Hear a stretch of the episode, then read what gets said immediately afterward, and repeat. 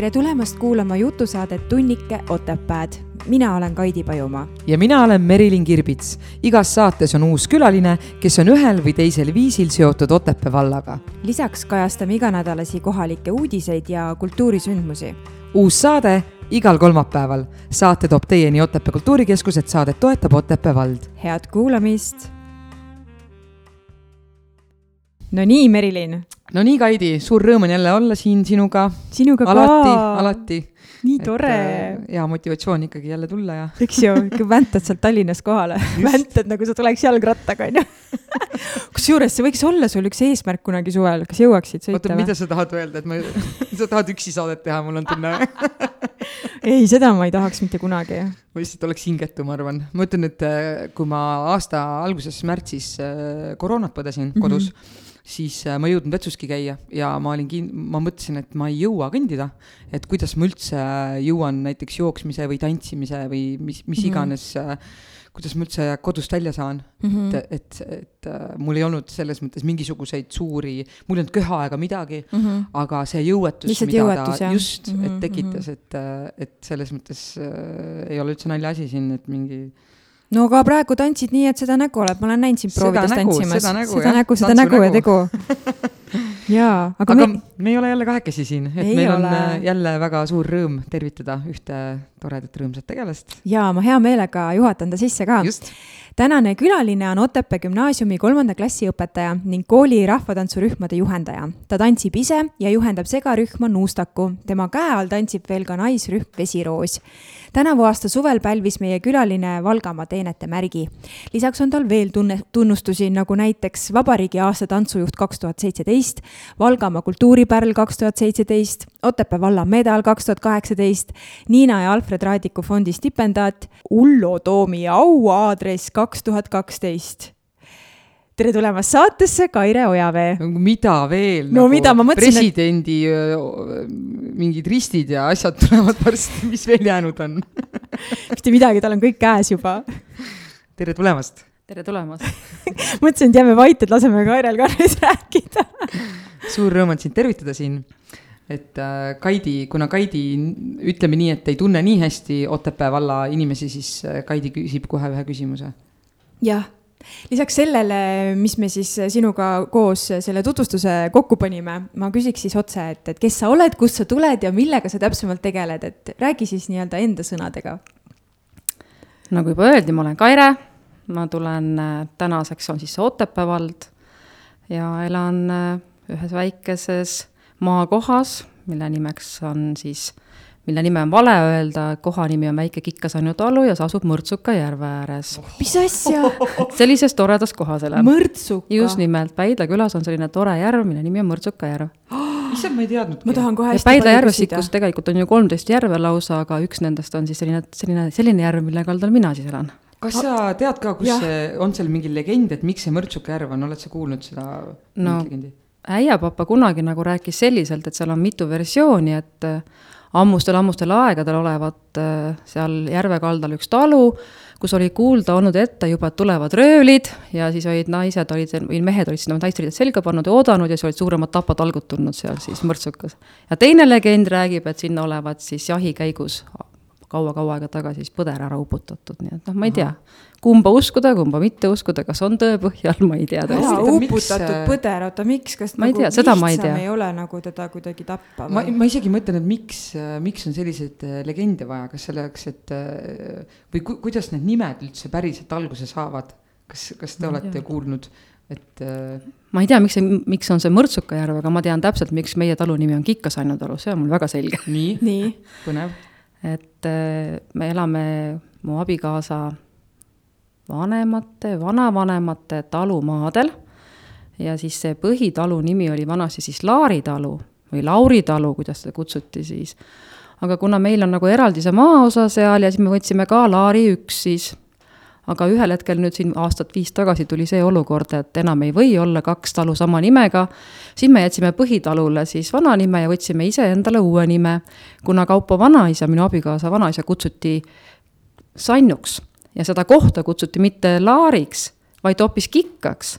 ja siis me panimegi kokku, et meil on Kikk, Pika Sannu talu, nii et siis Kaupo vanaisa mälestuseks. aga ju siis needsamad ikkagi äh, kohanimed äh, niimoodi sündinud on mm, -hmm. et äh, mi-, mi-, midagi on nagu tõepõhi, aga samas midagi on siis nii-öelda ka kokku kombineeritud. ja oleks ma elus seda teadnud, et äh, kunagi ma hakkan nendel maadel elama, lapsena ma kõplesin TPL-i all seda põldu nii, et vähe ei olnud aga kas see niimoodi praegusel hetkel on ju jälle selline pime ja sünge aeg ja hingede aeg, eks ju, kas ei ole seal järve kaldal siis kedagi ma nii, ma nii järve kaldal ei ela aa, nii järve, aa okei okay.. ma vaatan aknast. ujumas käid seal? Ikka käime, praegu enam ei käi, seal natuke kinni kasvanud on, aga lapsed... hoiad jalgu nagu vee peal hästi igaks juhuks? ei hoia, ei ma ei karda selliseid asju aga kas sina muidu oled põline otepäällane? ma tegelikult olen äh, sündinud ja üles kasvanud äh, ikkagi Nõunis mm.. Mm. päris täpselt siis sündisin ma Valgas, elasin kolm aastat Päidlas ja sealt edasi siirdusin Nõuni, Nõunis siis koos vanematega siis oleme olnud seal mm. -hmm. siis ma tulin Otepää kooli, siis ma käisin vahepeal Tartus koolis ja siis ma tulin tagasi Otepää kooli ja siin ma olen nüüd juba kakskümmend kuus aastat õpetaja. et kakskümmend kuus aastat oled olnud õpetaja? just wow., aastast üheksakümmend viis see tähendab, et see peab olema ikka täiesti sinu ala, kakskümmend kuus aastat. kas sa oled mõelnud ka, on, on sul päevi, kui sa oled mõelnud, et ei, enam ma ei tee seda? üldiselt mitte. ei ole? ei. no selle kahekümne kuue aasta sees on ka kaks mu tütart, eks ju, see mm -hmm. täpselt, noh, see käib sinna mhm. sisse, eks ju. ei ole, mulle meeldib mu töö. Aga mis sulle meeldib õpetamise juures? iga päev on uus päev iga päev suudab mõni laps mõne vahva üllatusega üllatada see on nagu iroonia või ei, see ei ole üldse iroonia, ei no igasuguseid on, et noh, mõni päev saad natuke näppu viibutada ja mm, -hmm. ja mhm. kurjemat, karmimat häält teha, aga valdavalt on ikkagi äge. aga mis sulle meeldib kõige rohkem õpetamise töö juures? ma ei oskagi vastata. tore, kui näed, et laps saab aru, et silmad löövad särama, mul jõudis see hetk kohale mm, -hmm. mul tuli see hästi välja ja see mm -hmm, laste siirus ja, ja rõõm ja, ja, ja see nende headus ka ja nad tulevad ja kallistavad sind jälle ja selline kogu aeg on selline armas lähedus tegelikult. no mis aineid sa annad? klassiõpetaja annab äh, kõiki aineid mm, -hmm. mina ei anna muusikat ja kehalist. ja noh, võõrkeel jääb ka välja. aga kõik matemaatika, eesti keel, loodus? eesti keel, loodusõpetus, inimeseõpetus, kunstiõpetus, tööõpetus, praegu oma klassiga teeme ka nuputamist, aga see loovust. tähendab, no see tähendab, et su enda silmaring ju peab olema hästi lai? no võiks jah ma mõtlen nagu, et, et äh, et noh, et teada nii paljudest äh, valdkondadest nii palju, et sa suudad seda iga-aastaselt äh, õpetada, sul on siis nagu ainult kolmas no, klass või kuidas selle, selle peale mõtleme niimoodi, et ma käin esimesest neljanda klassini ja siis ma kukun jälle esimesse klassi ja siis ma hakkan jälle otsast peale oma ringi minema, aga kogu aeg on uued lapsed, eks mm. -hmm.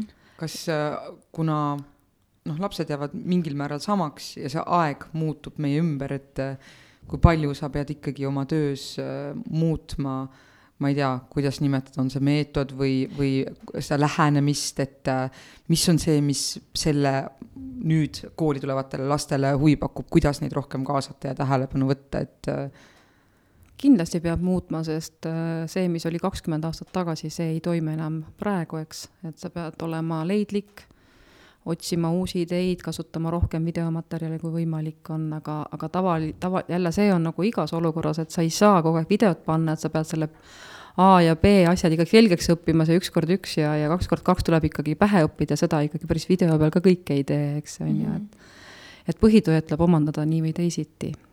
Mul on nii hea meel, Kaire, et sa siin äh, meie juures oled ja et sa just õpetaja oled, sest meie eelmine saade oli, oli ka õpetajaga, Maria Medvedtšukiga ja me temalt küsisime, et et kui tema mõtleb enda kooliajale, mil tema koolis käis, et mis, missugused olid siis kombed ja kuidas, kuidas lapsed õpetajatesse suhtusid või õpetajatega käitusid ja, ja milline on tänapäeva need esimesed, algkooli õpilased, et kuidagi vahe on hästi märgatav, me tegelikult päris pikalt vist sellest ka rääkisime. aga sina, kes sa oled kakskümmend kuus aastat õpetaja olnud, et miks sina arv- või mida sina arvad, et miks tänapäeva lapsed on tunduvalt kuidagi avatumad kui nad näiteks olid, ma ei tea, minu ja Merilini ajal, kui, kui meie näiteks koolis käisime? miks on avatumad mm? -hmm. või siis, kui ei, kui ei mõtle avatuse peale, siis sa võid mõelda selle peale, et äh, kuidas nad erinevad näiteks kakskümmend aastat tagasi ja praegused lapsed, kes koolis on? kindlasti on nad avatumad, aga miks nad on avatumad, võib-olla nad ongi julgemad, nad on äh, ma ei oskagi selgitada kuidagi seda, et nad ei karda võib-olla mm. -hmm neil on kogu aeg turvatunne ümber, nende vanemad ei ole võib-olla hommikust õhtuni nii kogu aeg tööl, eks, et mm -hmm. ei pea olema nädal aega lasteaias, nagu mm -hmm. mina olen olnud ja, ja, ja et sellised, vanematel võib-olla on rohkem aega ja mm -hmm. nad mhm. tegutsevad nendega ja siis nad ongi avatumad ja julgevad ja, ja me jõudsime ka Mariaga koos sellesse punkti, et ikkagi need vanemad, kelle lapsed praegu koolis käivad, on ise juba teistsugust, teistsugusemad vanemad, kui olid meie omad, et et kuidagi ma ise, kui ma meenutan oma lapsepõlve ja oma, oma sõprusringkonda või klassikaaslasi, siis kuidagi on selline tunne, et et meie nagu kasvasime nii muus eas eh, nende vanemate kõrval, et olidki vanemate toimetused, tööd, tegemised.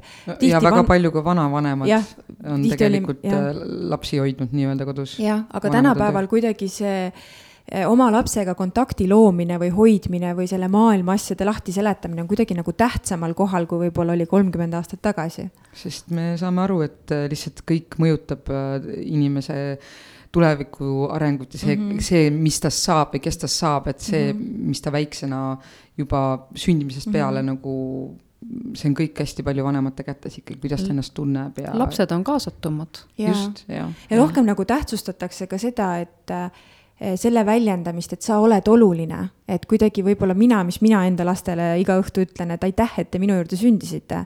et võib-olla mina iseenda lapsepõlvest või sõpradelt ei mäleta, et seda võib-olla oleks väga väärtustatud või öeldud. ja lapsi et... kuulatakse ka, on ju ja ma arvan ka, et tänapäeval on seda kallistamist palju-palju rohkem, kui mm -hmm. oli noh, minu ajal võib-olla mm. -hmm. et sama ju oma lastega, et selline hästi oluline oli see, et, et kunagi ei lähe ju laps kodust ära, et kui me ei kallista või ja. koju ei tule või hommikul üles ärkab või magama minnes, et see on nagu ääretult oluline osa ja seda nagu tegelikult õppisid ju ka minu lapsed ka minu vanematele ja, ja noh, et noh, teistele vana, noh, vanematele mm -hmm. siis, eks ju, mhm. et et seda ju noh, minu ajal seda ei olnud sellist.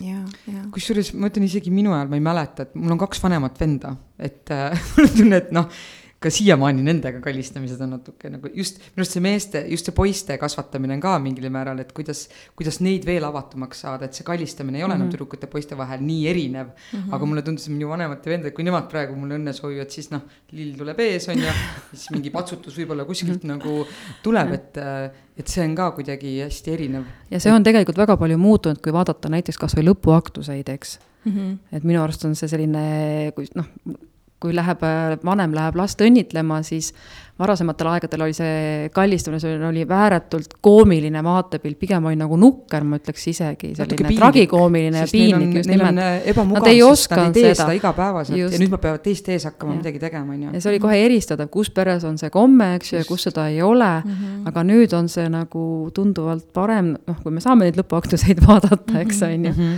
aga et on selline rohkem seda kallistamist. kusjuures mind äh, õpetas väga palju rohkem kallistama äh, teatrikooli ajal minu kursaõde Natali Lohk, kes on grusiin mm. -hmm. sest nemad on üliemotsionaalsed, nemad ju musitavad ja kallistavad mm -hmm. ja mhm. et, äh, et sellest hetkest, kui ma temaga kohtusin, ma sain aru nagu, mida see tähendab ja mm -hmm. mida see annab.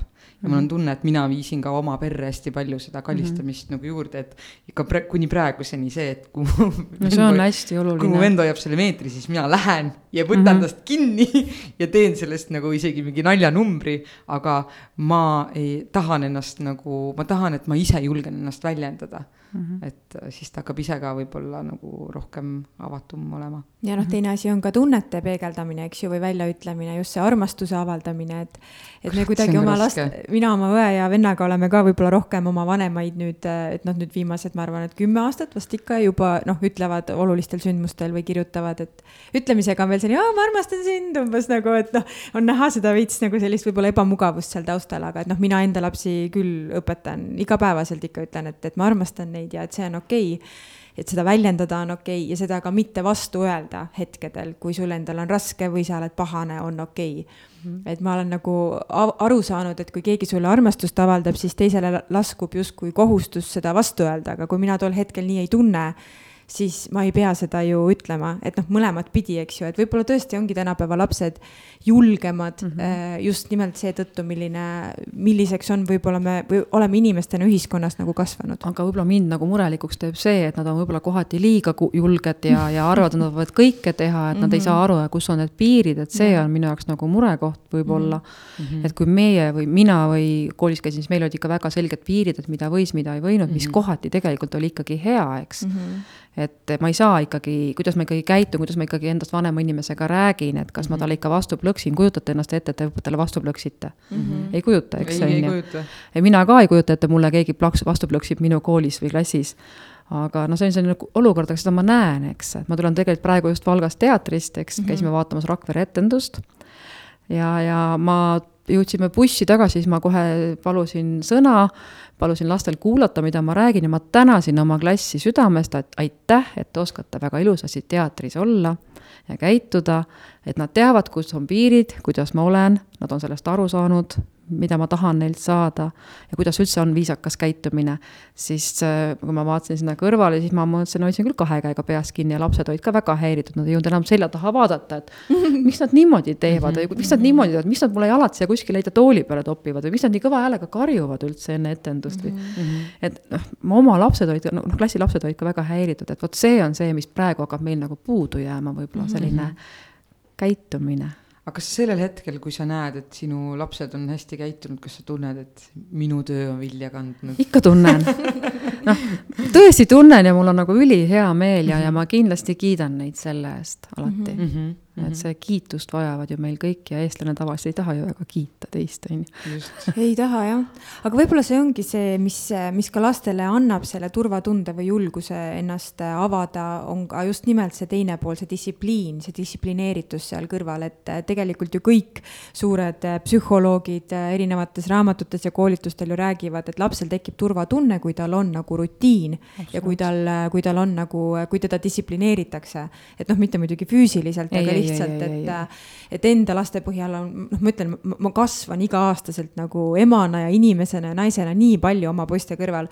et just nimelt nagu nähes, kui on kodus kord siis, siis nad nagu tunnevad ennast kuidagi turvalisemalt iseennast ka jagades, kui see, et, et ma lubaks kõike teha kogu aeg ja alati et vahepeal ma küll mõtlen, et võib-olla ma ajan seda korda nagu liiga palju taga, et kui sa tuled koolist koju, siis koolivormi võtad ära, paned korda, eks ju, koduriided selga, teed õppimise ära ja siis on sul vaba kava teha, mis sa soovid. et vahepeal nad küll protesteerivad selle vastu, aga samas mulle tundub, et äh, nad, ma ei oska isegi võib-olla seda väljendada, aga mulle tundub, et, et see sobib neile, et see istub. mina leian, et see on vajalik, et on olemas kord mm. -hmm. mina olen näinud seda oma laste peal kasvamise ajal ja nad käisid, me ei elanud Otepääl, eks nemad pidid hommikul pakkima kaasa kogu päeva varustuse autosse mm. -hmm ka nad, ja see ei olnud mitte ainult siis kooli õppetüki asjad, vaid see tähendas muusikakool, see tähendas rahvatantsu, tähendas koorilaulu, see tähendas äh, murdmaasuusa või laskesuusatrenne, ehk mul oli vahepeal auto puupüsti asju täis ja meil ei olnud varianti ka, et neid ei ole. ja see oli kogu aeg nõue, et sa pead vaatama, sul on asjad õhtul olemas et ma ei saa koju sõita neile järgi, mul ei ole seda võimalust ja asjad peavad olema kaasas, et selles mhm. mõttes see kord on vajalik. ja mis kell läheb laps magama, see on oluline, et oma mhm. asjadest teab, mis kell magamineku aeg on, sest ta ei jõua muidu kogu seda ralli mhm. kaasa teha ju. ja, ja mina leian, et kord on vajalik. ja, ja just see magama mineku aeg ka just. see peab olema järjekindel, püsiv. et meil ongi kell kaheksa hakkab, hakkavad õhtused toimingud ja ma tean, et kell üheksa on mul äh, kutid voodis ja mm, -hmm. ja noh, nii on ja kui ma hakkan juba eelnevalt neile ütlema, et kakskümmend viis minutit, kakskümmend minutit, kümme minutit veel ja siis hakkame. ja ma näen, et see toimib ja see toimib ka sellepärast, et nad ei ole hommikuti väga väsinud, neil ei ole õhtuti seda trotsi, sellepärast et nad teavad täpselt, millal mingi asi on. et võib-olla see tundub nagu mingi sõjaväeline kord. ei, see ei tundu, see ei tundu. aga, aga mina igal juhul pooldan sellist. täpselt, sest mina ise olen ka selline, et kui ma tean, mis mind ees ootab, ma tunnen ennast hästi, kui see, et, et ma ei tea, mis mind ees ootab, et võib-olla see on ka võib-olla niisugune kontrollivriigi asi. kui sa pead seda tegema, see tundub nagu ajuvaba, eks ole mm, -hmm. miks ma pean seda tegema. aga kui sa kasvad suureks, sul on mingisugused äh, juba sisse õpitud Just. asjad ja sul on mhm. hulga lihtsam elus hakkama saada. see enesedistsiplineerimine ka Just et äh, ma kujutan ette, et kuna, kuna mina enda lapsi selliselt kasvatan, siis see tuleneb just nimelt sellest, et ka minu, minul oli kodus selline kord, et oli piisavalt palju vabadust mm, -hmm. aga mul mhm. olid ka teada, et kindlad ülesanded, mida ma nagu pean tegema ja mis on minu vastutada et äh, just, just viimati oli arenguvestlus ka ja seal ka nagu öeldi, et, et lastele tuleb anda ka koduseid ülesandeid, et nad oleks nagu osa sellest äh, nii-öelda perekonnast või leibkonnast, et noh, see ei ole tõesti see, et, et ma ei tea, panen seitsmeaastase puid lõhkuma, aga, aga see, et ta mul vahepeal prügikasti välja viib või oma riiete või toa eest vastutab, siis see on täiesti okei okay,, sest see tekitab temas tunde, et tal on ka mingi vastutus, mingi kohustus, et ta on osa sellest perest. ma olen märganud, et sihuke kaasamine kodutöösse, et sa teed koos temaga, mitte see, et teie see ära, mhm. on ju, vaid kui sa kaasad teda kuidagi töösse, siis no, see on nagu. kasvõi kutsud süüa tegema. osa mängust. tule, on ju, et teeme selle ära ja. või teeme selle ära või ja jah, vahe tuleb öelda ka, et tee nüüd oma tuba korda, muidu tulen mm -hmm. suure musta prügikotiga oi, minul on ka see ähvardav, ma viskan kõik, kõik mänguasjad viskan minema. kui ikka lõpuks enam ei saa, siis ütled küll, et nüüd tuleb mu suur must prügikott, tahad seda? ei taha ja siis lähevad asjad õigesse kohta tagasi. aga mis on äh, õpetajaks olemise juures kõige raskem?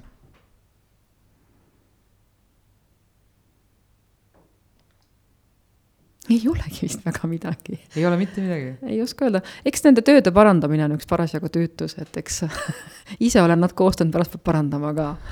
aga kui palju palju toredam on klassis tundi anda ja, ja, ja mis see, kuidas täpsus, täpsusta küsimust, kõige tüütum on distantsõpe kõige raskem, kõige raskem, kõige raskem on distantsõpet läbi viies, kui sa mhm. lastele ka vahetut kontakti ei saa luua, vot see on nüüd kõige raskem minu jaoks mm. -hmm. ma tunnen puudut mm -hmm. silmast silma lastega, vahetust emotsioonist -hmm. kuna meie koolis ei käi enam, siis äh, distantsõpet tunda ei saa, siis kas see on tõesti tõsi, et äh, distantsõppe tulemusel tuleb õpetajatel poole rohkem tööd? tuleb küll, nõus. ma saan aru, et teil tuleb välja mõelda see teema, et kuidas seda kodus rohkem kaasata sellel äh, õppetunnis või? no see kindlasti, et ta sul tunnis kaasa teeks, teine asi, aga kui sa annad ka mingi asja ülesandet teha, kui sa just distantsõppetundi läbi ei vii, et noh, see on iseseisev õppimine, siis eeldad, et sellest kohta sulle tuleb nagu, ta saadab selle kohta pildi või mingi töö tulem tuleb minule kas sinna kuskile mm -hmm. stuudiumisse või sinna keskkonda kusagile, siis see eeldab, et mina pean sellega kontrollima, eks ära aga ju nad ja neil võib tulla ju mingi küsimus, aga kui sul on klassis on ikkagi terve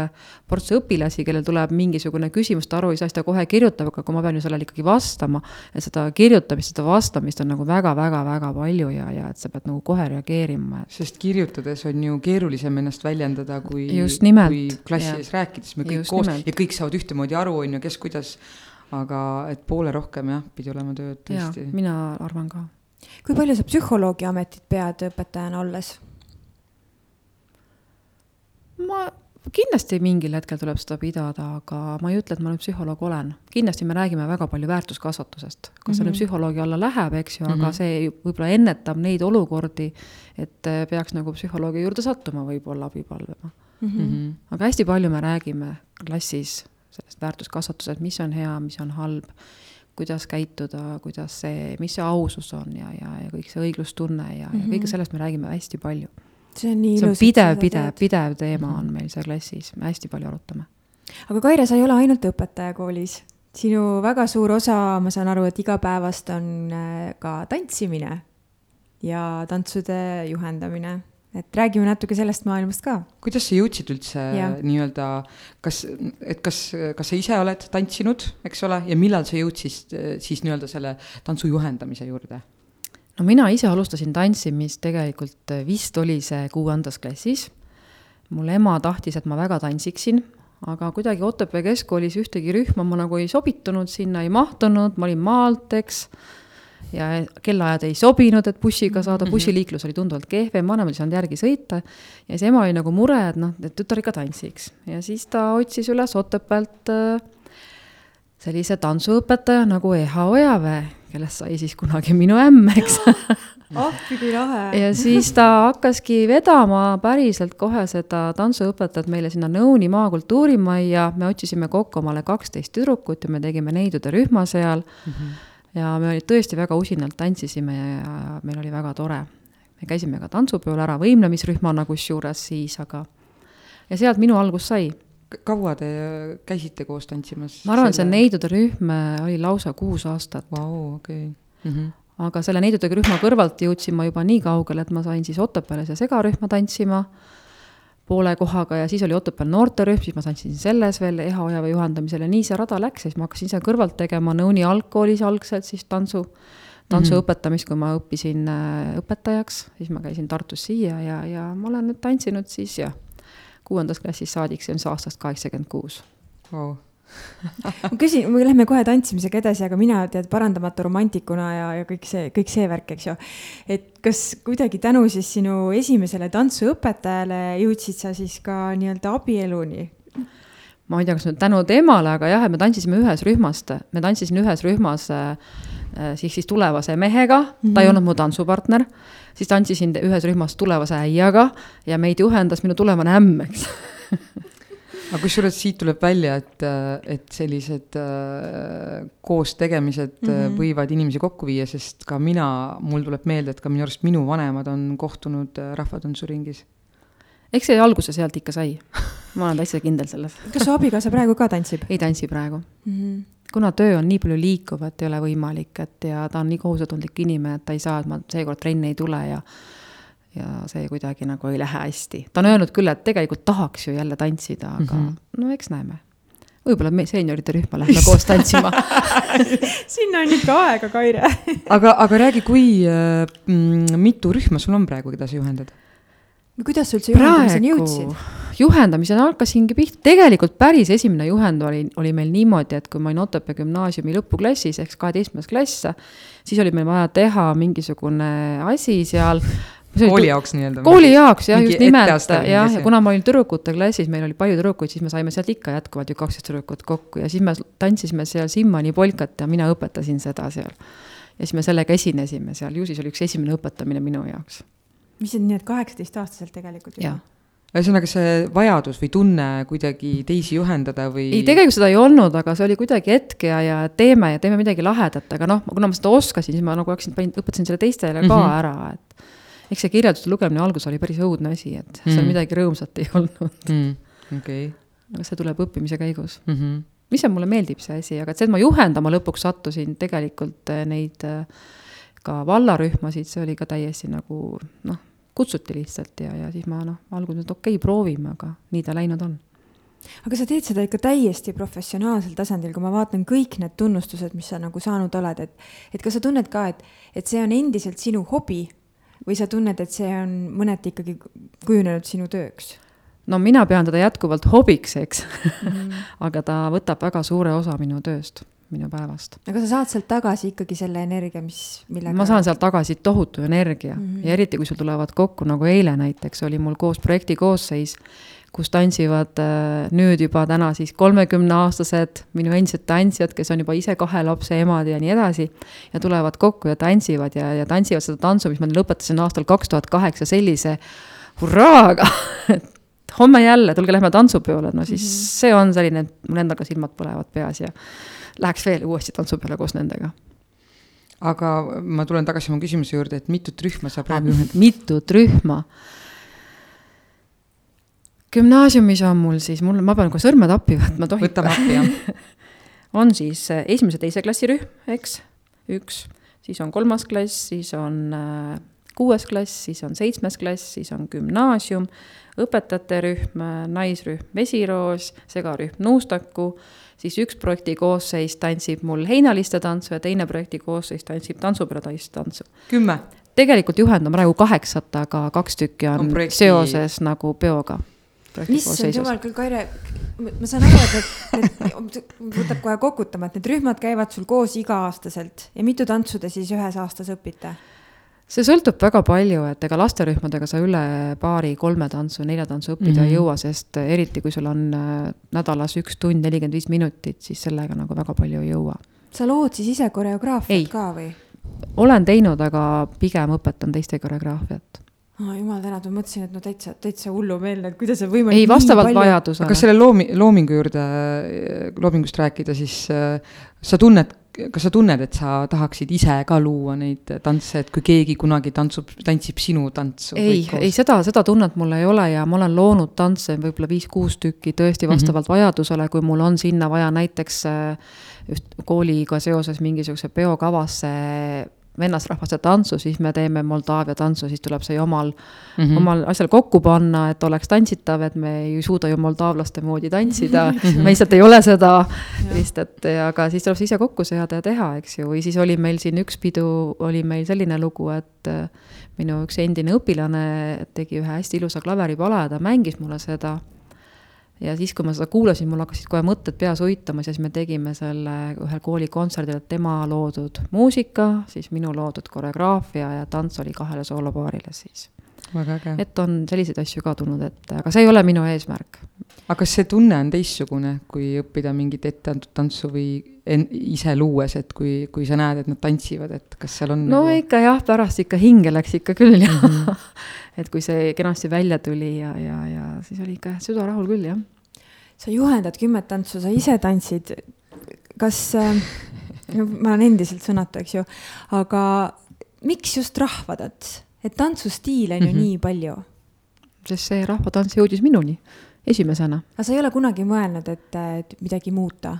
või no kõhutantsu või flamencot või showtants? et mis sulle selle rahvatantsu juures meeldib? polka, ma olen eestlane, ma tahan Eesti polkat tantsida, ma tahan tantsida paaris tantsu, mulle meeldib tantsida hoogsaid tantse, Eesti rahvatantsu tantsida, Eesti rahvamuusika mulle meeldib, mulle meeldivad lõõtsalood. et kõik see, kõik see on, sellega käib kaasa, eks ju mm. -hmm, mm -hmm, mm -hmm. minu meelest ikkagi see Eesti traditsioonide ja pärimuse edasikandmine on minu arust üks äh, suur väärtus selle juures, mis sa teed. Ja, ja see, et sa teed seda hästi et sa teed nii, et keegi julge peale sind tehagi seda. No ma ikka väga loodan, et tuleb mantlipärija mul oleks väga vaja seda kas, mis see, mis see tähendab väga vaja, kas sa tunned, et äh, tahaksid puhata? ei, ma isegi ei ütle, et ma tahaks puhata, aga koormust kindlasti tähendab. oleks tore, et kellegiga ko hakata koormust jagama mm, -hmm. sest eks meil kõigil tiksub natukene vanust juurde mm, -hmm. ütleme ausalt. nii, tähelepanu, tähelepanu, üleskutse siinkohal Kairega ühendust võtta, et mõni, kes on mõelnud, et äkki tahaks ka juhendada. sest kuskilt äh, saab see ju alguse, sa ei pea olema ju selles mõttes mingisugune äh, professionaalne tantsija, vaid et kui sul on see huvi olemas, siis äh, ainult, ainult tahe loeb tegelikult ja kõige, kõige olulisem ongi see järjepidevus, et ei tekiks seda auku vahepeal, et kui Kairi ära kaob, on ju, ei jaksa enam teha nii suure koormusega, et siis enam äh, lapsed ei saa järjepidevalt tantsida, et see on niisugune ohu, ohukoht, on ju. ja seda järjepidevust ei tohi ära kaotada, sest äh, kahjuks praegu on ju tantsijaid aina vähem, sest on nii palju pause olnud ja see on tegelikult mõjutanud äh, väga palju. tantsurühmade ja, ja ka noh, mitte ainult tantsurühmad, laulukoorid, eks kõike mõjutab. lihtsalt mina näen tantsurühmade mastaabis mm -hmm. seda asja. mul tekkis praegu nii palju mõtet, ma loodan, et mul nad on kõik meeles. ühelt poolt, mis ma tahtsin selle rahvatantsu kohta öelda, et mina ise olen ka kunagi lapsepõlves rahvatantsu äh, tantsinud ja iluvõimlemist teinud ja, ja nii-öelda nagu mingit peotantsu näiteks, meil oli hästi-hästi tore juhendaja seal väikeses külas, kus ma elasin, aga siis, kui ta läks ära, siis jäi kõik pooleli, keegi seda üle ei võtnud ja kõik jäime nii-öelda ripakile. ehk siis ma ei ole väga palju rahvatantsuga kokku puutunud, aga umbes aastaid äh, kolm tagasi vist oli, kui mul vanem poeg oli esimesel tantsupeol, mis Tartus äh, seal staadioni tänaval, seal on see suur staadion, seal korraldati ja läksin sinna vaatama ja no täitsa lõpp, kui need rühmad, noh, väikesed, väikeste laste rühmad kõik sinna platsile tulid ja see muusika peale pandi, mul oli lihtsalt tibutagi peal, pisarad jooksevad. Ega enda poissi ju noh, nii kaugelt ära ei tundnud, milline ta nüüd täpselt nendest juntsudest oli, et ma teadsin, millises rühmas ta seal on aga, aga, aga lihtsalt see, see, see, need äh, tantsusammud ja see muusika ja see rütm, et me ikkagi oleme sellega see on nagu meil DNA-s või kuidagi geneetikas, et see, see on nagu meie eestlaste asi. ja ma saan nii hästi aru, miks sa ütled, et noh, sest mulle meeldib ja nii ongi mulle meeldibki, nii ongi, sest mulle meeldib. kas äh, Rahvatants koolis äh,, see on äh, nii-öelda vabatahtlik ring? see on vabatahtlik ring. Kuidas sa motiveerid tänapäeva noori inimesi rahvatantsule? ega ta nüüd äh, läheb natuke raskemaks seda motiveerida, aga nad siiamaani on tulnud tantsima. Ma ei oskagi öelda, et ju kas kellegi vanem õde või vend on tantsinud või ema on tantsinud või nad on näinud, aga on ka neid, kes ütlevad, et ma ei tea, mis asi see on, et ma tulen mm -hmm. vaatama, et mis see on mm. -hmm. ja tegelikult oli hästi tore see, et ma sain nüüd gümnaasiumis ka noorterühma kokku, mul olid mõned poisid puudu ja siis olid mõned tüdrukud jälle puudu, nüüd on kõik olemas lõpuks mm. -hmm ja siis küsisin ühe no, mõne noore käest, et noh, kuidas siis tunne on, et noh, sa pole ju varem tantsinud. Tead, ma arvasin äh, sellest äh, rahvatantsust hoopis teistmoodi, aga mulle täitsa meeldib. et tegelikult suhtutakse hästi palju eelarvamusega sellesse asjasse. absoluutselt. Ja mida ma näen, meie ajal olid koolis diskod, ma tegelikult ei tea, mulle tundub lihtsalt, et enam ei ole seda, mis meie kooli ajal oli, seda koos tantsimist. et minu arust see füüsiline eneseväljendus, see lähedus teiste noortega, poistega, tüdrukutega, et mul on tunne, et see tantsuring on hästi oluline osa selle juures, et seda ka füüsilist kontakti kuidagi nendes arendada ja üleüldse koos tantsida, tulla kokku ja saada osa mingisugusest grupist ja, ja saada seda emotsiooni et, äh, et see on väga suur väärtus minu arust selle juures. aga mul on tunne, et, et kuidagi nagu öeldakse, et alati mood kordab ennast, äh, minevik kordab ennast, et praegusel hetkel see tant-, rahvatants aina enam kogub populaarsust just nimelt noorte hulgas. et kui mina teismeline olin, siis ma nagu ei mäleta väga, et, et noored äh, käisid rahvatantsus, et noh, käidi küll showtantsus, siis oli showtants hästi populaarne, noh, laulukoorides nii ehk nii aga praegusel hetkel, kui ma isegi enda tutvusringkonnas äh, räägin inimestega, siis nii mitmed on läinud rahvatantsurühma ja ma vaatasin mingit etendust hiljuti, kus üks näitleja ka ütles, et ei no mina ei saa aru, mis tänapäeva noortel viga on, et et, et, et kõik on leidnud nagu selle rahvatantsu jälle enda jaoks, et aina, aina enam noori nagu tantsib. kas sul ei ole sellist tunnet? no ma arvan küll, aga ma arvan, et see põhiline, see leidmine, see tantsu leidmine sai alguse aasta peale kaht-, kahe tuhandel üheksandal aastal toimunud äh, suurt pidu, tantsupidu, millel oli mis see pealkiri oli, Ühes hingamine äkki või mere, mere, mereteemalised lood ja mm -hmm. vot see oli kuidagi nagu selline murrangu hetk minu arvates ja siis sealt läks nagu edasi, aasta kaks tuhat seitseteist oli juba tohutult äh, huvi noorte hulgas, siis oli hästi palju nagu soovijaid sinna peole ja nii kaks tuhat üheksateist ka mm. -hmm. et ma arvan, et siis oh. kuidagi mm -hmm. läks ta nagu selliseks hästi-hästi populaarseks, see oli näha, et ega see suurele peole saamine ei ole ka niisama, et ma muudkui hakkan, hakkan harjutama, siis ma muudkui lähen ja see mm -hmm. tähendab äh, päris pikka protsessi ja ikka lastele ütlen ka, et kõigepealt peame tegema ära oma tunnikontrolli ja siis teeme kontrolltöö ja kui meil läheb hästi, siis me tantsime seal, kui meil nii hästi ei lähe, siis tantsime siin, aga oleme ikka rõõmsad, et me teeme protsessi kaasa mm. -hmm. et ei ole, et, et kui ei saa sinna peole, muidugi meil on kurb hinges, aga me ei saa hakata nüüd äh, protsessima või jonnima, et noh, järelikult mõelda, et tuleb võib-olla veel midagi teha selle heaks, et saada ja kuna kõik ei saa sellele suurele peole, siis tegelikult ongi ju olulised need väiksemad peod ka. ja nimelt. ka üks teema tegelikult äh,, miks, miks sa meil täna siin oled, on ju tulev äh, Valgamaa tantsupidu. et me võime ju sellest rääkida. mis selle pealkiri on? selle Valgamaa tantsupeo pealkiri on Pööripäevast pööripäeva ja saab toimuma kahekümne seitsmendal novembril. Ma loodan väga. ja kus kohas? Otepää keskväljakul algusega kell seitseteist null null ja mis, mis see pealkiri endast äh, kujutab ja mida see, mida see nagu tantsu kontekstis tähendab? me liigume läbi rahvakalendri tähtpäevade aasta algusest aasta lõppu välja mm, -hmm. et äh, meie rahvakalender on tegelikult ju hästi-hästi sisukas, seal on hästi palju infot.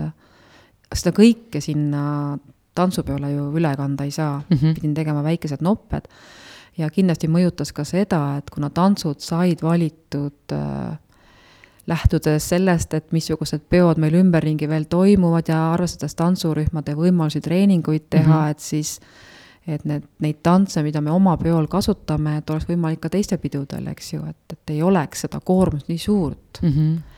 sest esialgu pidi pidu olema ju hoopis ju märtsis meil mm. -hmm. Ja aega seda teha oli väga vähe ja siis sealt see idee loksuma hakkaski aga kus see idee sündis, et teha just pööripäevast pööripäeva? ma ei tea, eelmine pidu oli meil ajast aega mm. -hmm. nüüd tuli siis pööripäevast pööripäeva. ja see idee leidmine on keeruline mm. -hmm. see kuidagi ühel hetkel tuli, et ma leidsin, vot see tants sai sealt võetud, see sai sealt ja ja siis ma ei tea, see tuligi iseenesest. aga no, sina oled selle tantsupeo nii-öelda kunstiline juht, öeldakse, eks ole. aga mida see tähendab, et meil on kindlasti võib-olla inimesi, kes ei tea, mida see ühe äh, sellise sündmuse kontekstis tähendab?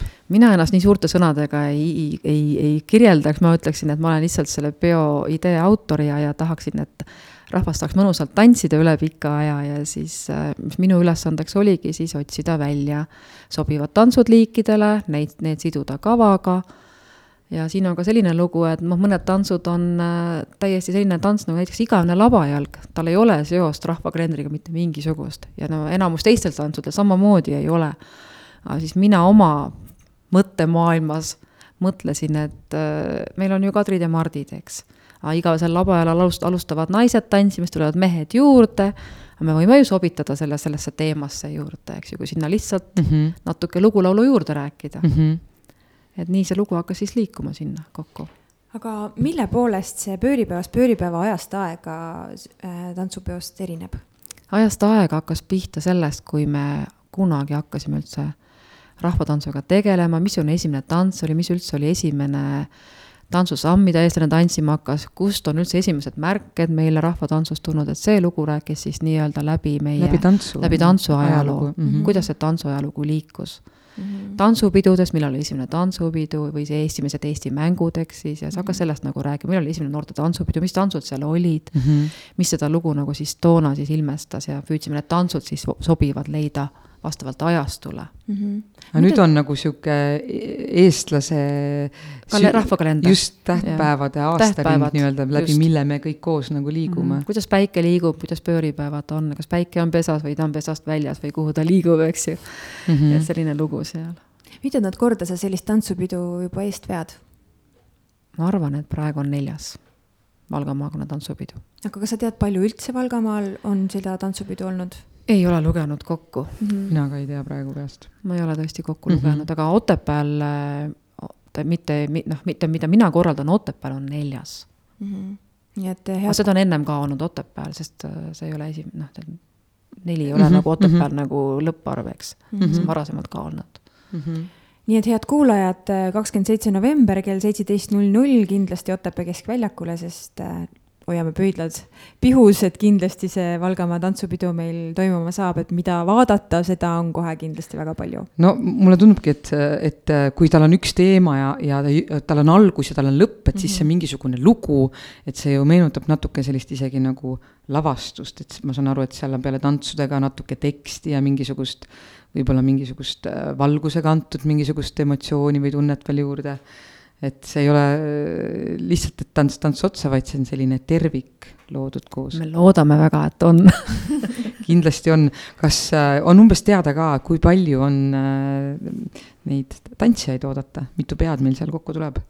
me arvutasime kokku küll, aga mul ei ole ju meeles ju umbes üle viiesaja. üle viiesaja, vau. kui nüüd tõesti jah, eks me peame arvestama sellega, et praegu see olukord on olukord on mm -hmm. pisut kriitiline ja võib-olla ei saa la, nii lap-, lapsed treeninguid teha, kui siia kooli tulla ei või, et siis see võib natukene meile jah, natuke selliseid vingerpusse mängida aga kuidas seda, sellist asja kokku pannes, et, et sa saadad kõigile tantsud, eks ole, ta teab, millal ta tantsib, aga kas tehakse ka mingit ühisproovi või kuidas jaa see..., tantsijad alustavad juba päris varakult peale sellel päeval, et kell üheksa alustavad juba meesterühma tantsijad oma meestetantsuga ja nii kogu see päev läheb meil erinevate liikidega siis äh, läbi et iga liik saab ikkagi oma tantsuplatsil käia, vaadata, kustpoolt ta peale tuleb, millal mm -hmm. ta mhm. peale tuleb, kus ta ikkagi tantsib meil ei ole tavaline tantsupidu, tavaliselt tantsupeol on ju märgid ilusti-kenasti maas, et kes mis märgil tantsib mm. -hmm. seekord me tuleme kokku, mahutame ennast sinna kuuse ja purskkaevu vahele ära ja tantsime ja naudime. me ei aja seal selliseid äh, joondumisi mm -hmm. taga, vaid me püüame nautida, et me saame üle mitme aasta tantsupidu korraldada mm. -hmm et see on nautimise aeg seekord mm. -hmm. aga üks teema, mis ma, millest me ennem natuke üle libisesime või mis ma mõtlesin, et võiks natuke käsitleda, oli täpselt seesama, et et, et inimesed nagu ei käi enam koos tantsimas, sedasama on ju tegelikult ka koorilauljad öelnud, et ei tulda enam koos laulma või siis äh, ka, kes pilli mängivad. et et kui palju sina enda rühmades nagu tunned, et, et kuidagi see aeg, milles me oleme nüüd viibinud juba üle pooleteist aasta, on mõjutanud nagu sinu rühmasid, et, et mina lihtsalt vahele räägin nagu selle, et, et mina ise tunnen, et äh, kuigi, kuigi ma ju töötan sellisel kohal, mis kätkeb ennast väga palju suhtlemist ja just nimelt sündmuste korraldamist äh,. reede õhtul ei viitsinud süüa teha, tellisin äh, Lõunakeskuses siis ette, läksin sinna järele ja Lõunakeskuses seal suurel, sellel jääväljakul oli hokivõistlused tohutu tümm oli taga, hästi palju nagu oli rahvast ja ma tundsin ennast nii ebamugavalt, sest ma ei ole harjunud enam käima suurtes seltskondades. pidev ma olen kogu aeg kodus, ei oskagi nagu, ei oskagi nagu olla enam justkui võõra inimesega samas ruumis, et kuidas, kuidas tantsurühmades on? Tantsurühmades on ju inimesed, kes tunnevad. ja noh, seda küll, jah. ja, ja nad ootavad. kui me räägime täiskasvanuid, siis nemad tegelikult ootasid, millal saab tantsima hakata, et mm -hmm. ootasid, millal saab rühm kokku, et võiks midagi nagu koos teha, selline ootus oli kogu aeg. et sellist võõristust ei ole ei, sündinud? ei, võõristust ei olnud ja kokku saadis oli nagu uh jee, me saame nüüd jälle kokku ja me saame tantsida ja. kusjuures see on tõsi, ma lihtsalt äh, teen niisugust teatrit nagu improteater, me käime sündmustel esinemas ja ühel sündmusel oli väga raske esineda, sest need inimesed polnud mingi kaks aastat näinud või ma ei tea, see tähendab, nad rääkisid omavahel juttu ja mm -hmm. nad ei mhm. tahtnud üldse meid vaadata, sellepärast et nad ei ole nii ammu näinud, et need sündmused ka hakkavad liikuma sinnapoole, et nii palju pole vaja enam äh, nii-öelda kultuuriprogrammi sinna, vaid et, et inimesed saaksid lihtsalt omavahel suhelda et ma kujutan ette, et tantsutrennis ka eh, üks osa läheb kindlasti omavahel jutustamiseks, kui. see oli alguses, see oli sügisel, kui me kohtusime, siis oli pigem selline, et noh, nüüd tahaks rääkida ka natuke, et, et selline, et noh, et anna aega natuke, on ju, aga, aga see, kui see on nüüd järjepidevalt sul äh, iga teisipäev on sul treening, eks, siis nagu see vajadus juba kaob ära, sa oled juba harjunud sellega mm, -hmm. et sa saad mm -hmm. nagu teha lastega on vist keerulisem, ma olen äh, kuulnud ka siin muud tantsutrennid, et äh, et lapsed ikka päris korralikult vajuvad ära, et ju siis on laps, laps, lapsevanematel ka keerulistel aegadel nagu keeruline kas neid vedada või või on seal keegi jälle kuskil kinni. et, äh, et suured on küll need, kes ise ju vastutavad enda eest ja, ja tulevad, aga et lastega on nagu keerulisem. lastel on see ainus, on eel, hea eelis on see, et kui neil on kohe vahetult pärast tunde, eks on see tund, et siis see Just. päästab päeva mm, -hmm. ütleme. Nad ei pea kuskilt enam tulema nii-öelda ja, ja.. Mm -hmm sa oled saanud nii palju tunnustusi. Kui te näeksite Kaire nägu praegu, tüüpiline eestlane, kes ei taha kiitusi vastu võtta. Mis tunne see on, kui see, mida sa teed südamega ja see, mida sa ei pea oma tööks, vaid see on ikka endiselt sinu armastus, sinu hobi, seda märgatakse ja tunnustatakse. Ja palun ära vasta lihtsalt hea tegelikult äh, vastan küll, et on hea tunne, tegelikult on ülihea meel, et sind on märgatud, sest ma pole mitte kunagi oma tööd teinud selle mõttega, et oh, kui ma nüüd selle ära teen, äkki mind keegi märkab mm. -hmm ja kui see on tulnud selline tunnustus, siis ma tavaliselt olen ikka tõsiselt jahmunud, ma ei saa tükk aega aru, mida te räägite mulle, kõik teevad seda tööd ju, lihtsalt mulle meeldib see töö. aga see ongi see võlu, see ongi see võti, miks sind tunnustatud on, sest noh, minu isa või ema, ma ei mäleta, kumb neist nagu ütles, et kui sa teed midagi südamega ja sa ei mõtle sellele tulemusele, vaid, vaid sa naudid protsessi, siis see ka läheb südamesse ja seda nauditakse ja seda ka märgatakse, et ilmselt siin ongi see võluvõti. see on väga suur vahe, seda on mm -hmm. tegelikult näha inimeste töös, kes, kes mille pärast nagu seda ja. teevad. et ei, see ei ole kunagi minu eesmärk olnud mm, -hmm. lihtsalt minul on, meeldib, minu suurim tunnustus on see, kui mu tantsulapsed naeratavad, neile mhm. meeldib see, nad tulevad, tantsivad rõõmuga, mitte et ma ei pea neid sundima, kauplema mm, -hmm. vaid et jaa, vahel olen küll pidanud ütlema, et kuule, tule nüüd tantsime, teeme selle aasta ära. ja siis ta tantsibki edasi, vana tont et aga ta ei mida... lähe ära siis, eks ju. äge, jaa. aga kuidas sa ennast maandad, et sa päeval annad tunde õpilastele, õhtuti sa juhendad tantsutunde, et kui on nagu need vabad päevad ja sa tunned, et või kas sa üldse tunned mingisugustel hetkedel, et ma ei taha üldse suhelda ja mitte kedagi nagu näha, noh, välja arvatud ma mõtlen pere, mida sa siis teed? mulle meeldib väga lugeda mm, -hmm. mulle meeldib väga kududa ja mulle meeldib, kui mul õnnestub oma perega kuskile kaugele ära minna, kus ma võtan ainult raamatu kaasa ja siis ma ainult loen reisima siis reisima nii-öelda. ja mm -hmm. me ei lähe mitte niimoodi, et ma lähen suuri nagu ringreise tegema, vaid me lähemegi, istume kuskile potsti maha, paneme varba sooja vette ja mõtleme, et elu on ilus.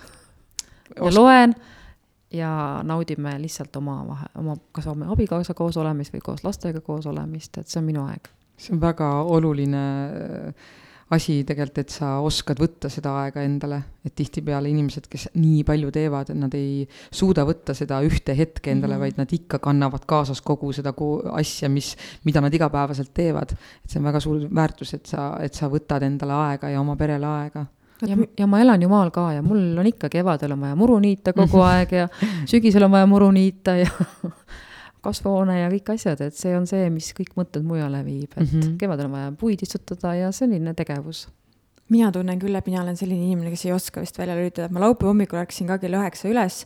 ma arvan, umbes kakskümmend sekundit läks mööda, kui ma mõtlesin, mida kõike ma pean täna ära tegema ja ma mõtlen, et ei, et täna on laupäev, et ma teen omas tempos, et küll ma jõuan terve päevaga need asjad ära tehtud, sest noh, need olid kõik tööülesanded, mida ma tahtsin nagu ära teha et kuidagi nagu see oskus, et ei, nüüd on puhkepäev ja ma reaalselt ei teegi midagi ja kui ma ei tee midagi, siis ma tunnen nagu süüdi ennast, et ma ei tea, Merilin, kas sa samastud minuga? no mina olen kõik selle läbi teinud, et mm -hmm. mina kasutan jälle seda mõnusat moodsat sõna, et mina olen korralikult läbi põlenud, et selleks, et seda ennast hindama hakata, tuleb mm -hmm. ennast ikka korralikult põhja, noh, mõni joob põhja, on ju, mõni töötab põhja, mõni mis iganes. et tuleb ikka seal ära käia, et sa saaksid aru, et sellest, kui palju sa tegelikult sellest päevast teed nagu sellest ei olene tegelikult mitte midagi, vaid sa ise kaotad või võidad sellest. et, et sa, ja sa saad ainult ise endale võtta seda aega, mitte keegi ei tule sulle, ütleb, kuule, võta nüüd endale aega, küsitakse ikka, et kuule, kas see on tehtud või, see, ta ei tule selle pealegi, et ta ei tea, palju sul teha on, eks ole mm. -hmm. sa pead iseenda eest nagu hoolitsema jah, ja ma olen kuidagi nagu seda tüüpi ka, et kui keegi mulle kirjutab või helistab, ma pean talle nagu kohe vastama, mul kuidagi jääb vaata süümekad, et ahah, et keegi on kirjutanud ja veel enam, kui me praegu elame nagu sotsiaalmeedia ajastul, eks ju, kui nii lihtne on tegelikult kirjutada. et olgu see, ma ei tea, neljapäeva õhtu või laupäeva õhtu või esmaspäeva varahommik, et ma ikkagi nagu ma nagu tunnen kuidagi, et ma pean kohe vastama ja siis ma ise mõtlen, et aga kas ma pean vastama nagu laupäeva õhtul kell pool kümme. ei pea, õhtul pool kümme ei pea vastama. ja kusjuures see on ma... sinu ja sinu pere aeg. just, ja kusjuures ma olen avastanud, et äh, et kui ma hommikul ärkan, siis äh, ma ei võta esimese asjana enam telefoni kätte mm, -hmm. sest ma tean, et seal on sada sõnumit yeah.. aga nende jaoks pole vahet, kas ma vastan tund aega hiljem, aga ma võtan selle hommikul seal tund aega, ma naudin oma hommikusööki ja oma hommikukohvi mm -hmm. ja ma lähen hulga parema emotsiooniga sellele päevale peale. et kui kohe eh, sa pole isegi ärganud mm -hmm. ja sa vaatad, et ma ei tea, Pille, Malle, Kalle on juba sada küsimust saatnud, mul juba tekib nagu ärevus peale. et äh, võtan selle aja endale, et see on oluline. hea, et mul neid küsimusi nii palju üldse ei ole seal jah, kusjuures mul üks tuttav just hiljuti nagu ütles seda, me rääkisime ka täpselt sellel teemal, et ta on ka selline, et äh, nagu hunt kriimsilm, et miljon asja nagu kogu aeg käsil ja siis ta ütles ka, et, et ühel hetkel ta tundis ka, et ta enam ei jõua, et kui ta hommikul tegi silmad esimese asjana lahti, öökapi pealt telefon, lükkas interneti sisse, on ju, ja siis seal oli umbes, ma ei tea seitsmes erinevas aknas küsimused, on ju, umbes kümme meili ja siis sa tunned nagu hommikul kell pool üheksa juba, kuidas su vererõhk lihtsalt tõuseb, sa ei ole isegi esimest kohvi veel joonud, sa ei ole mhm. isegi vetsus veel jõudnud käia, kui sa hakkad juba seal toksima aga ta ise tegi asjadele. selle otsuse, et ta selle telefoni kätte võttis. ja siis ta ütleski mm -hmm. mulle, et, et mõni aeg tagasi ta otsustas, et äh, ta ei võta esimese asjana, ta tõuseb üles, teeb endale mhm. kohvi, võib-olla teeb mõned joogaharjutused, on ju, käib mm -hmm. duši all ja siis teeb, siis ütles, et aga kui ma oleks näiteks tund aega hiljem ärganud, siis ma ju ei teaks, et mul nii palju meile ja asju on, on ju. et ta võtabki selle tund aega nagu ärkamiseks ja ma olen ka püüdnud viimasel nädalal seda ja teate, ma ei suuda, ma ei suuda, mul on nagu, mul tekib juba ärevus, kui ma esimese asjana ei ole ülevaadet, et mis mind kõik nagu ees ootab, aga see on tõesti asi, mida tuleb teha. sest vahepeal on tõesti, ma ütlen, et nädalavahetusel ainult töömõtted, aga sealjuures oli ka see, et ma magasin ligi kaksteist tundi mõlemal öösel, sest ma olin lihtsalt nii väsinud, millal ma viimati kaksteist tundi magasin, issand jumal. näiteks täna, äh, kuna mul on äh, see päev võetud Otepää päevaks, äh, ma tean, et mul on meilis praegu umbes kakskümmend meili, mis ma kõigile kirjutasin ja vastus on tulnud, aga ma ei ava neid täna. päriselt, sa suudad ka niimoodi? sest et noh, täna on see päev nagu mm -hmm. see, see on Otepää päev, päev ja, et ma ei sega oma mõtteid ja tundeid nagu nende asjadega mm -hmm. homme, et see ei kao mitte kuskile nii-öelda. Kaire, kuidas sina oskad ennast välja lülitada, kas see ei ole sinu jaoks raske? no kui sa ei saa sinna sooja vette minna ja, ja näiteks on sügis ja ei saa minna. muru niita ja mis sa teed siis Pe, peale kudumise või? ei tea, istun niisama diivani peal. kas sa vaatad äh, telekat ka? Äh, vahepeal vaatan olen suhteliselt väike telekavaataja mm. -hmm. selleks peab olema väga hea film, mida ma vaatan mm. -hmm. sa ei niisama telekas ei käi äh, tapeediks? ei, telekas käib taga, käib mingi muusikakanal mm, -hmm. et lihtsalt kuulad seda, et selles suhtes jah, et, et päris vaikuses mulle ei meeldi, mulle meeldib vaikus siis, kui ma hommikul tööle sõidan ja töölt koju sõidan mm. -hmm. siis mul äh, raadio ei midagi ei käi üldreeglina. et selline ühest energiast teise üleminek? jaa, seda ma tahan mm, -hmm. ma tahan seda aega saada, et noh mm, -hmm. et et äh, varasemalt olid lapsed autos, siis nemad panid ikka raadio käima, siis ma mõtlesin, okei okay,, on ju. suuremaks said, panid vaid raadio kinno, et noh, emme ei taha, et see raadio käib, et tal noh, seda lärmi on nagunii siin peas nii palju mm. -hmm. ja siis, siis me vestlesime lastega, see oli hoopis palju huvitavam, eks ju. no aga muidu ma naudin jah vaikset autosõitu mm -hmm. hommikul tööle ja töölt koju. siis sa kuuled enda mõtteid ka? jah, siis et ma lähen, lülitangi ennast ümber mm. -hmm. mis oli viimane raamat, mida sa lugesid või kas sul on praegu pooleli seal öökapi peal mõni raamat? Praegu ei ole ühtegi raamatut pooleli. aga sa mäletad, mis oli viimane, mis sa lugesid mm,? äkki oli Rannavood. kas see on selline ilukirjandus või? see on niisugune südamlik, ilus lugu, paneb lugema, mõrvasid ei ole, elulugusid ma ei loe väga, eks mm. -hmm. selline lugu, mis paneb kaasa mõtlema ja mulle meeldis seda lugeda, läks südamesse, võib-olla natuke naistekas, võib öelda, aga niisugune ilus lugu seal Mõrtsuk järve ääres Mõrtsuka Mõrtsuka järve ääres ei, loen neid raamatuid ka, see peab nagu jälle sütitama ja, ja panema lugema ennast seal mm, -hmm. et. just. kuidas see saabuv äh, aastaaeg äh, sind äh, kannab, kas sügis on sinu jaoks tavaliselt niisugune raske aeg või? kõik aastaajad on ilusad mm. -hmm no lihtsalt, et sadama hakkab, siis peab nagu soojemad riidesse panema ja raudteelehvid peab ära vahetama.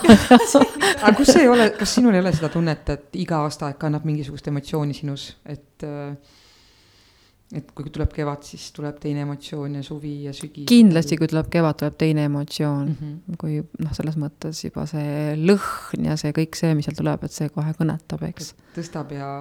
ülesse kindlasti. puhkele niimoodi õige nii-öelda. esimene lumi kindlasti kohe, no täna juba aknast vaatasid, et kolmas klass juba akna peal, pataluun sajab, lähme õue jaa, hakkab pihta.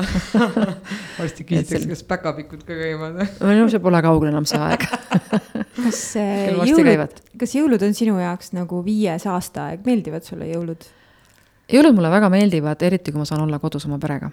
Mm -hmm. ja teil on see melu... traditsioon perega ikka kokku saada laua taga ja. jaa, see oli väga pikaaegne traditsioon on selline, et jõuluõhtud oleme oma, noh, minu, minu perega, eks ju, noh, minu mees ja minu lapsed kodus esimene jõulupüha käisime siis minu vanemate pool koos minu venna perega ja siis teine püha, jõulupüha käisime siis nagu mul abikaasa vanemate juures, aga eks nüüd sellel aastal natukene võib-olla muutuvad need traditsioonid, aga see on olnud tõesti juba kakskümmend neli aastat niimoodi mm. -hmm pikk traditsioon. sa oled mhm. kakskümmend neli aastat olnud siis abielus? tegelikult olen kakskümmend viis. mis on ühe hea suhte, õnneliku suhte saladus? vastastikune austamine, ärakuulamine, toetamine mm. -hmm kas see, kas see, et, et te nii-öelda teineteist leidsite ühises tegevuses, on ka midagi, mis, mis tegelikult on ühe hea suhte alus? selles mõttes, et see rahvatants nüüd jah, et ei, on, viis meid kokku, aga see mm -hmm. ei mhm. ole meid sidunud selles mõttes, aga mul on väga hea meel, et ta on, et mu abikaasa mind alati toetanud minu tegemistes. et äh, ilma temata ma seda teha ei oleks saanud emotsionaalselt kui mm -hmm. ka materiaalses mõttes, eks mm.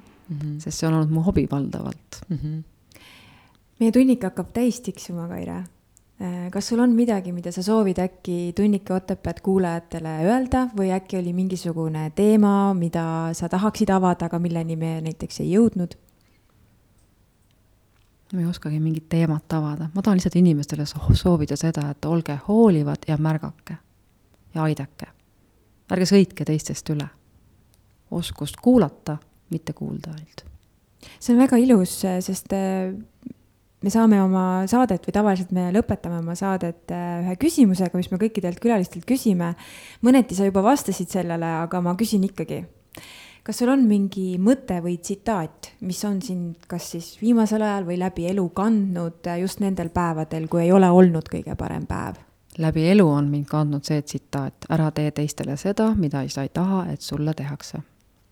käitu selle järgi. just, ma arvan, et äh, see on ka üks äh, mõtetest, mida mina kaasas kannan endaga. kahjuks äh, enda ümber näeb hästi palju seda, et teised seda ei mõtle. et aga kui ise, ise selle järgi teed, siis vähemalt endal on nagu hea tunne. aga oli väga tore sinuga siin olla. aitäh sulle, et sa tulid. ja aitäh, Kaire, selle tunni eest. väga mõnus vibe oli meil täna selline. aitäh kutsumast. ja, ja Nii. kõik siis, äh, kui võimalus on, tantsupidu toimub, siis kõik tulge tantsupeole kaasa elama, vaatama, käsi kokku lööma. tulge kindlasti, sest need tantsijad, nii suured kui väikesed, ootavad, kellele tantsida. ja kes teab, kunas jälle saab. just, ja kõik ka ise tantsima. aitäh aitäh sulle.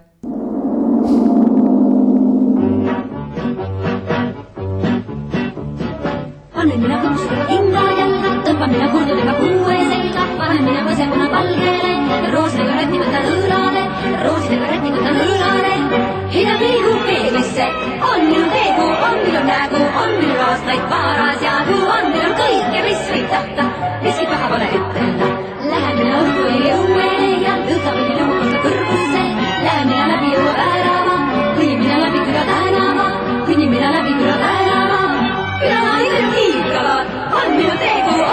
hiigavad, on minu tegu, on minu nägu, on minu aastaid paras jagu on minul kõike, mis võib tappa, miski paha pole ütelda.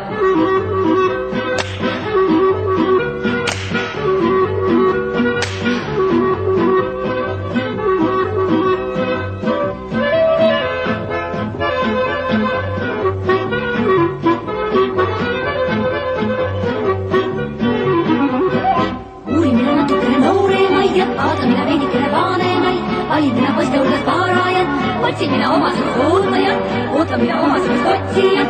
ikka ilma asjata, on minul tegu, on minul nägu, on minul aastaid paras jagu, on minul kõike, mis võib tahta.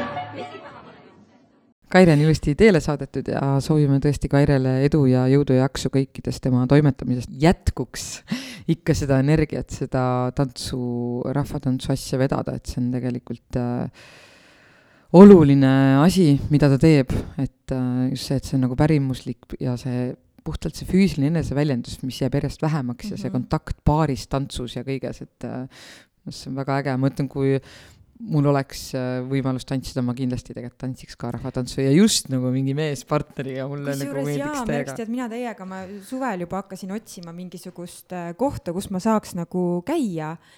Sellepärast, et ma väga-väga tahaks nagu äh, minna rahvatantsugruppi ja ma isegi küsisin Kaire käest, Kaire ütles, et äh, kuule, et mul ei ole sulle nagu meespartnerit pakkuda, eks ju, sest kõigil on ikkagi nagu partnerid olemas või ennekõike ongi just nagu äh, naised need, kes siis äh, on pigem initsiatiivikad ja mehed on siis need, keda vist kaasa veetakse. Ja siis äh, isegi päris mitmesse Tartu gruppi kirjutasin, kust ma ei ole siiamaani vastust saanud. tundub, et nad vist ei ole väga huvilised. Ja ma sain tegelikult kuhugi äh, kaugemale, ma ei, issand jumal, ma ei, Haljalasse, mul üks sõbranna tantsib seal Haljala ühes tantsugrupis, aga aga, aga see tähendaks kaks pool tundi sõitu kohale, kaks tundi trenni ja kaks pool tundi äh, tagasi, et siis kuidagi tundus mu jaoks nagu natukene ma tean, et Valgas on üks väga äge noor, noor inimene veab ühte gruppi nagu just äh, sega rahvatantsurühma oo. ja see ja just hästi noored ja aktiivsed, et äh, võid seda ka korraks tšekata, et kuidas neil anna läheb. mulle pärast kontaktid, siis ma võtan äh, ühendust, et äkki, äkki kirjutan, sest noh, tõesti, mul oli selle sügise alguses oli ilge soov proovida ka seda, et ma kunagi lapsepõlves äh, oma kodukohas tantsisin, aga, aga noh, see on nii kaua aega tagasi, et äh, ma ei tea, võib-olla mul üldse kaks vasakut jalga, ma ei saa üldse nagu hakkamagi, aga, aga tahaks lihtsalt nagu äh, proovida, mulle pigem vahva. tundub, et see ongi see, millega on võimalik hakkama saada, et kui erinevad tantsustiilid äh, nõuavad inimeselt ikkagi mingisugust erilist rütmitunnetust või mm. -hmm. painduvust või puusa hõõritamist, siis hõõritamist, õige, hõõritamist vot mul on igasugused, noh, ma olen flamencot ju tantsinud kaks aastat ja käinud esinemas ja show-tantsu olen teinud. mul on nagu kõikide nende puhul see, et äh, mul nagu läheb kava meelest ära, ma lähen nii närvi selle peale, et mul läheb meelest ära ja siis ma ei taha ennast sellesse pingeolukorda nagu panna. No mina ikkagi äh, showtantsu grupis ka, mis meil Otepääl on, on ju, iga esmaspäeval kell seitse on tulge kõik. siis äh, mina harjutan kodus ikka, et meil õpetaja teeb videod, sest et äh, kui nii harva kokku saadakse, siis tegelikult ta ei, mul ei kinnistu, et ta ma jää, ma nagu pean ikka, ma pean ikka Mhm. ise täitsa üksinda nagu Mhm. harjutama vahepeal, et ta nagu jah, jääks meelde, kordad, kordad, mul on kordad. ilmselt mingi trauma oma flamenco aegadest, et äh, trennis tuli kõik väga hästi välja ja õpetaja või treener panigi esiritta, eks ju, ja siis, kui ma seal Vanemuise kontserdisaalis esireas tantsisin selle algajate grupiga ja siis, kui ma ainukesena nii-öelda valele poole keerasin ja tänu sellele nagu mitmed järgmised sammud nagu sassi läksid, siis ma sain sealt sellise trauma, et mõtlesin, no issand jumal, Kaidi, no mida sa nagu teed, et et mulle pigem nagu meeldiski see, et ma trennis teen, seal sai hullult hea koormuse, seal olid lahedad need äh, kleidid ja seelikud ja värgid aga kuidagi see, naljakas on jälle see, et kui ma nagu äh, lavastusega lavale astun, siis äh, mul ei ole nagu sellist äh, esinemisnärvi, noh, sellisel kujul, kui on näiteks mingi tantsukavaga. Nii et äh, ju siis see tants ei ole vist ikka minu jaoks. no vot, võib-olla, võib-olla teatrietenduses sa ei ütle kümnekesi kõik koos ühte sõna korraga, kindlasti mõnes teatrivormis on see nagu võimalik, aga, aga see, see ikkagi ei, jah, sa pead see, et et, siis rühmatantsus, et ta peab olema ikkagi täpne, et ta tegelikult mõjuks. noh, täpselt, et seal äh, laval on sul noh, etendust andes sul on, sul on aega tegelikult mõelda ja kui teinekord ongi see hetk, et oo oh, issand, oota, mis mu järgmine repliik oli, siis sa ikkagi tead kogu lugu enam-vähem, kuhu sa jõudma pead, sa saad oma partnerit. ja lause mõte pead ära ütlema, et ta saaks edasi minna, aga ja. tantsus ma ei tea, improviseerid oma liigutuse täpselt, mõtte no. ära, nii et nagu. no ongi, me olimegi seal kahekümnekesi, eks ju, ma keerasin ainukesena valele poole ja tegelikult keerasin ma teistele nagu mõneti vaata otsa, on ju, ja noh, see on ju. tee siis nägu, et see ja, oligi see, nii see mõeldud, on ju. no seal on nagu mõni, mõni sekund, millega sa võid tegelikult kogu järg, noh, kogu ülejäänud lavastuse või noh, selles tantsulavastuse nagu sassi keerata, on ju, lihtsalt üks keeramine aga meil on showtantsus ka see võimalik, et sa võidki lihtsalt trennides käia ja ennast nagu tunnis hästi tunda, et sa ei pea üldse esinema tulema, kui sa ja, ei soovi. sest, sest see on täiesti võimalik, et, et osad ei soovi nii-öelda teiste silmade ette astuda mm, -hmm. aga nad ikkagi tahaks ennast nagu mm -hmm. liigutada ja ennast hästi tunda. jah, et saada nagu seda koormust. just, just eelmisel nädalal me siis loosisime tähelepanelikule kuulajale äh, kingituse, milleks oli siis äh, Tobias Tammearu äh, trio, trio plaat äh,. Piivium. Piivium ja mis meil see küsimus oli, kas sa mäletad või? küsimus, küsimus oli mm, selle kohta, et vist, et millal Maria tähistab jõule oma ja, perega. ja õige vastus oli siis kuuendal jaanuaril ja õigesti vastas. ja loosi õnn naeratas. Külliki Pikk, palju õnne! palju õnne! sina saad siis äh, mõnusat mussi kuulata. tule Otepää kultuurimajast läbi, saan sulle üle anda. ja või viime turismiinfokeskusesse. ja või teen ise paar sammu rohkem aitäh sulle, Külliki, et sa kirjutasid, et sa vastasid, äh, kuula meid jätkuvalt äh, ole tervitatud. ja meie sellenädalane küsimus siis tähelepanelikule kuulajale kõlab nõnda, et mitut rühma praegusel hetkel Kaire juhendab? just, et tal on olemas püsirühmad ja siis on olemas mingisugused praegusel hetkel seotud sündmustega ka projekti ja rühmad, et mitu rühma kokku praegu Kaire juhendab ja, ja õigesti vastanute vahel loosime siis välja näiteks äh, minu luulekogu Elan, usaldan, armastan vot, nii et kirjutage ja kes ei taha kirjutada, see joonistab. ja, ja kes ei taha joonistada ega kirjutada, tehke siis äh, häälsõnum meile. just, ma tahtsin pakkuda seda ma tahtsin seda pakkuda, kuidas võimalik on nagu. telepaatia, telepaatia.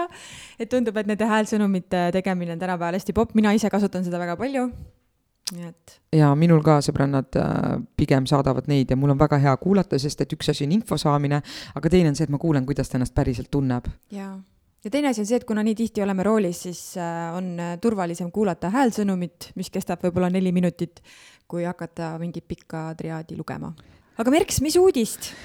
Äh, uudis on see, et kolmeteistkümnendal novembril toimus Otepää kultuurimajas pidulik aastaisa tunnustamissündmus.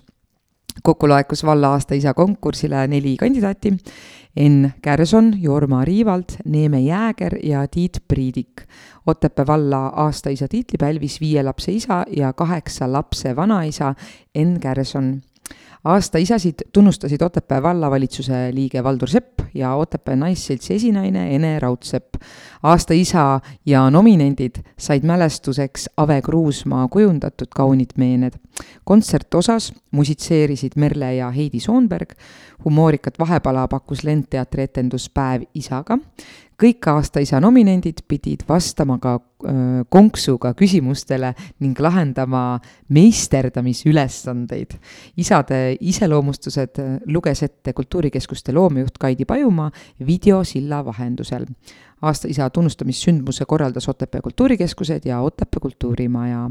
Otepää valla aastaisa tiitel antakse igal aastal kontsertaktusel ühele isale, kelle peres kasvab laps või lapsed, kes saavad kodunt armastust, hoolt, eeskuju ja õpetust. aunimetuse väljaandmise eesmärk on väärtustada isa ja isadust, tunnustada mehe rolli laste kasvatamisel. aasta isa tiitlit annab välja Otepää Naisselts koostöös Otepää vallavalitsusega no vot, siis selline uhke sündmus oli eelmisel laupäeval. aga seoses Otepääle Kopli tänavale kerkiva üürimaja ehitustöödega palutakse elanike tähelepanu. Munamäe ja Kopli tänaval tekib olukord, kus liiklus on ajutiselt ümber korraldatud, arvestuslikult kaksteist kuud ja seoses vaiade rammimisega Kopli 2A kinnistul tekib häirivat müra ja võib tunda mõningaid vibratsioone, arvestuslikult siis november ja detsembri esimene nädal vabandatakse ebamugavuste pärast. Hea külavanem ja külakogukonna esindaja advendiaja saabumisega algab jõuluootuse aeg. kaks tuhat kaheksateist aastal algatasime pühaliku traditsiooni. esmakordselt sai allkirjastatud Otepää valla jõulurahupakt külavanemate, külade esindajate ja vallajuhtide vahel.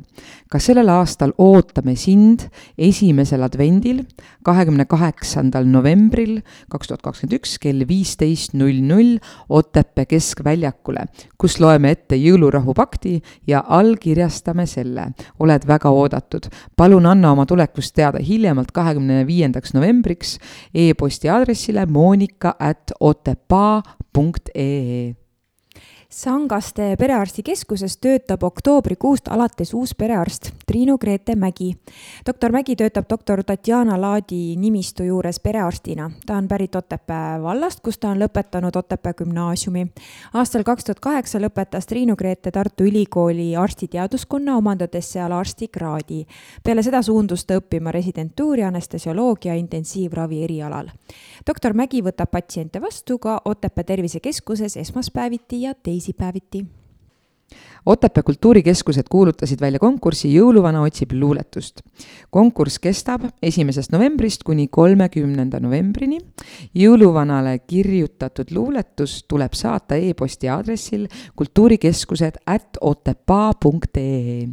Otepää kultuurikeskuste loomejuht Kaidi Pajumaa ütles, et kõik luuletused korjatakse kokku, loetakse läbi ning parimad neist tulevad esitusele üheksateistkümnendal detsembril talvepealinna tiitli saamise pidustuste ajal Otepääl. lisaks sellele annab jõuluvana igale luuletuse autorile kingituse me ootame luuletusi ennekõike lastelt. vahva mõte on näiteks õpetajatel koos lastega tunnis luuletusi välja mõelda ja meile saata, lisas Kaidi Pajumaa. jõuluvanale võib kirjutada kõigest, oma unistustest, soovidest ja miks mitte ka muredest. nii naljakas on see, et sa tsiteerid mind ja ma istun teisel pool lauda ja ma oleks pidanud võib-olla sind järgi ka tegema. ootame luuletusi, mitte et sa niimoodi teeks, aga ma just mõtlesin, et oo, nüüd ma näen, kuidas sina näed mind seoses plaanilise elektrikatkestusega on kolmandal detsembril Otepää tervisekeskus alates kella ühest päeval suletud. vabandame ebamugavuste pärast. kes soovib lisainfot, siis võib pöörduda sihtasutus Otepää tervisekeskuse juhataja poole eh, telefoninumbril viis null viis üheksa kaks üks kuus selle aasta oktoobri algul leidis endale Pühajärves ja Nõuni järves uue kodu seitse tuhat kohamaimu. tegemist on juba teistkordse kohamaimude asustamisega. eelmise aasta sügisel lasti Pühajärve ja Nõuni kuusteist tuhat kalamaimu. sellel aastal lasti Pühajärve viis tuhat viissada maimu ja Nõunijärve tuhat viissada maimu. Otepää vald esitas Keskkonnaametile taotluse kohamaimude asutamiseks Pühajärve ja Nõunijärve kalamaimude asustamise idee algataja Otepää vallavolikogu esimees Rein Pulleritsu sõnul oleks soov kohamaimude asustamist jätkata ka järgmisel aastal. seejärel tuleb aga vaadata, kuidas koha Otepää vetes hakkama on saanud. püüdmiskõlbulikuks saab koha vähemalt kolme-nelja aasta pärast üheksateistkümnendal detsembril koos talvepealinna tiitli üleandmise pidustustega toimub traditsiooniline Otepää talveturg. talveturg toimub kella kolmest kella kuueni Otepää keskväljakul. kõik Otepää piirkonna müüjad on oodatud hea ja paremaga talveturule kauplema. Teid ootab ees sisukas jõulueelne päev ning kehakinnituseks kuum supp. talveturgu korraldab Otepää Naisselts koostöös Otepää kultuurimajaga, toetab Otepää vallavalitsus. küsi infot ja registreeri kauplejaks telefoninumbril viis kuus üks viis kolm kolm viis seitse ja loodame, et, et meil on võimalik saada osa ka järgnevatest tulevatest kultuurisündmustest. ehk siis laupäeval, kahekümne seitsmendal novembril kell seitseteist toimub siis Otepääl Valgamaa tantsupidu pööripäevast pööripäeva ja meeleolukalt toovad tantsijad teieni Eesti imeilusad neli aastaaega. üle viiesaja tantsija peegeldavad värvikalt enda tundeid ja mõtteid ühest pööripäevast teiseni. Tule ja veeda üks kaunis õhtupoolik Otepääl, pidu on kõigile tasuta. ja tollest äh, laupäevast kohe järgmisel päeval ehk siis pühapäeval, kahekümne kaheksandal novembril kell viisteist null null on advendiküünla süütamine, jõulurahu väljakuulutamine ja soovide puu avamine. küünla süütavad äh, Otepää Maarja koguduse vaimulik Marko Tiirmaa ja Otepää valla juhid allkirjastatakse Otepää valla jõulurahu pakt kaks tuhat kakskümmend üks ja avatakse soovide puu. igaüks saab jõulukuu jooksul käia oma heade soovidega puud täiendamas ning laulab naiskoor Helletajad Merle Soonbergi juhendamisel. Kes soovib lisainfot, võib pöörduda Otepää kultuurimaja kultuurikorraldaja poole Merle Soonbergi poole.